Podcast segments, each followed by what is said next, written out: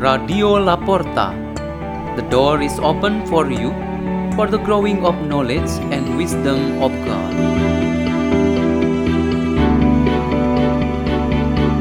Delivered by Manette Maturan from St. John Bosco Church, Archdiocese of Jakarta, Indonesia.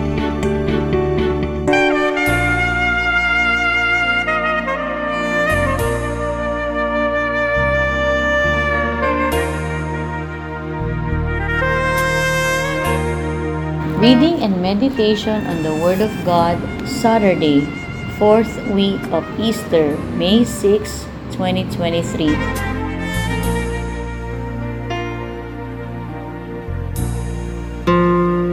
A reading from the Holy Gospel according to John. Jesus said to his disciples, If you know me, then you will also know my Father. From now on, you do know him and have seen him. Philip said to Jesus, Master, show us the Father, and that will be enough for us. Jesus said to him, Have I been with you for so long time, and you still do not know me, Philip? Whoever has seen me has seen the Father. How can you say, Show us the Father? Do you not believe that I am in the Father, and the Father is in me? The words that I speak to you, I do not speak on my own. The Father who dwells in me is doing his works. Believe me that I am in the Father, and the Father is in me, or else believe because of the works themselves. Amen, amen, I say to you, whoever believes in me will do the works that I do, and will do greater ones than this, because I am going to the Father. And whatever you ask in my name, I will do, so that the Father may be glorified in the Son. If you ask anything in my name, I will do it. The Gospel of the Lord.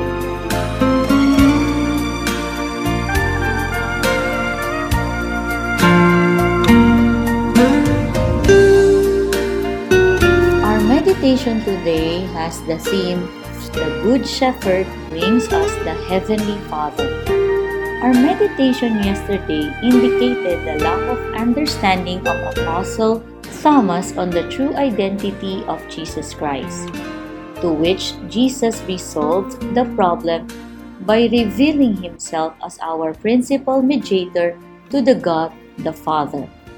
Today, Apostle Philip, who represents many people, shows again the lack of understanding which questions on the identity of the Heavenly Father. The answer of Jesus is the most decisive or even the key answer to this problem.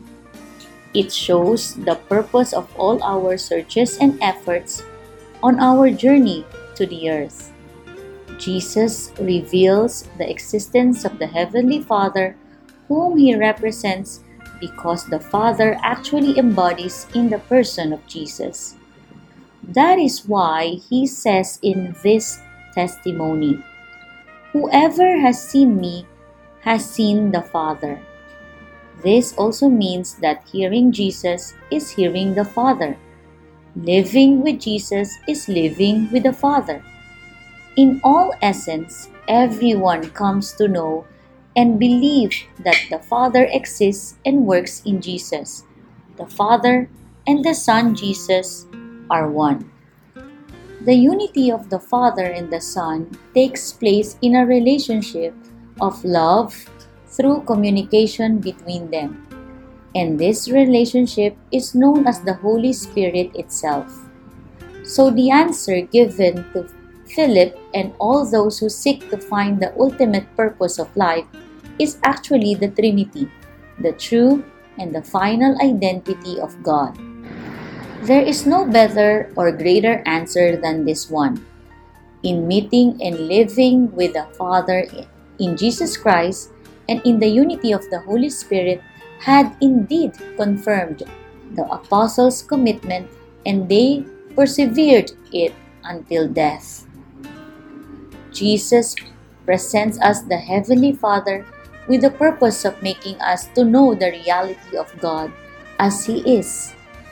God comes to our knowledge through all the works of love, kindness, and compassion, while we, humans, are taken up by Jesus Christ to the level where we can encounter the Father.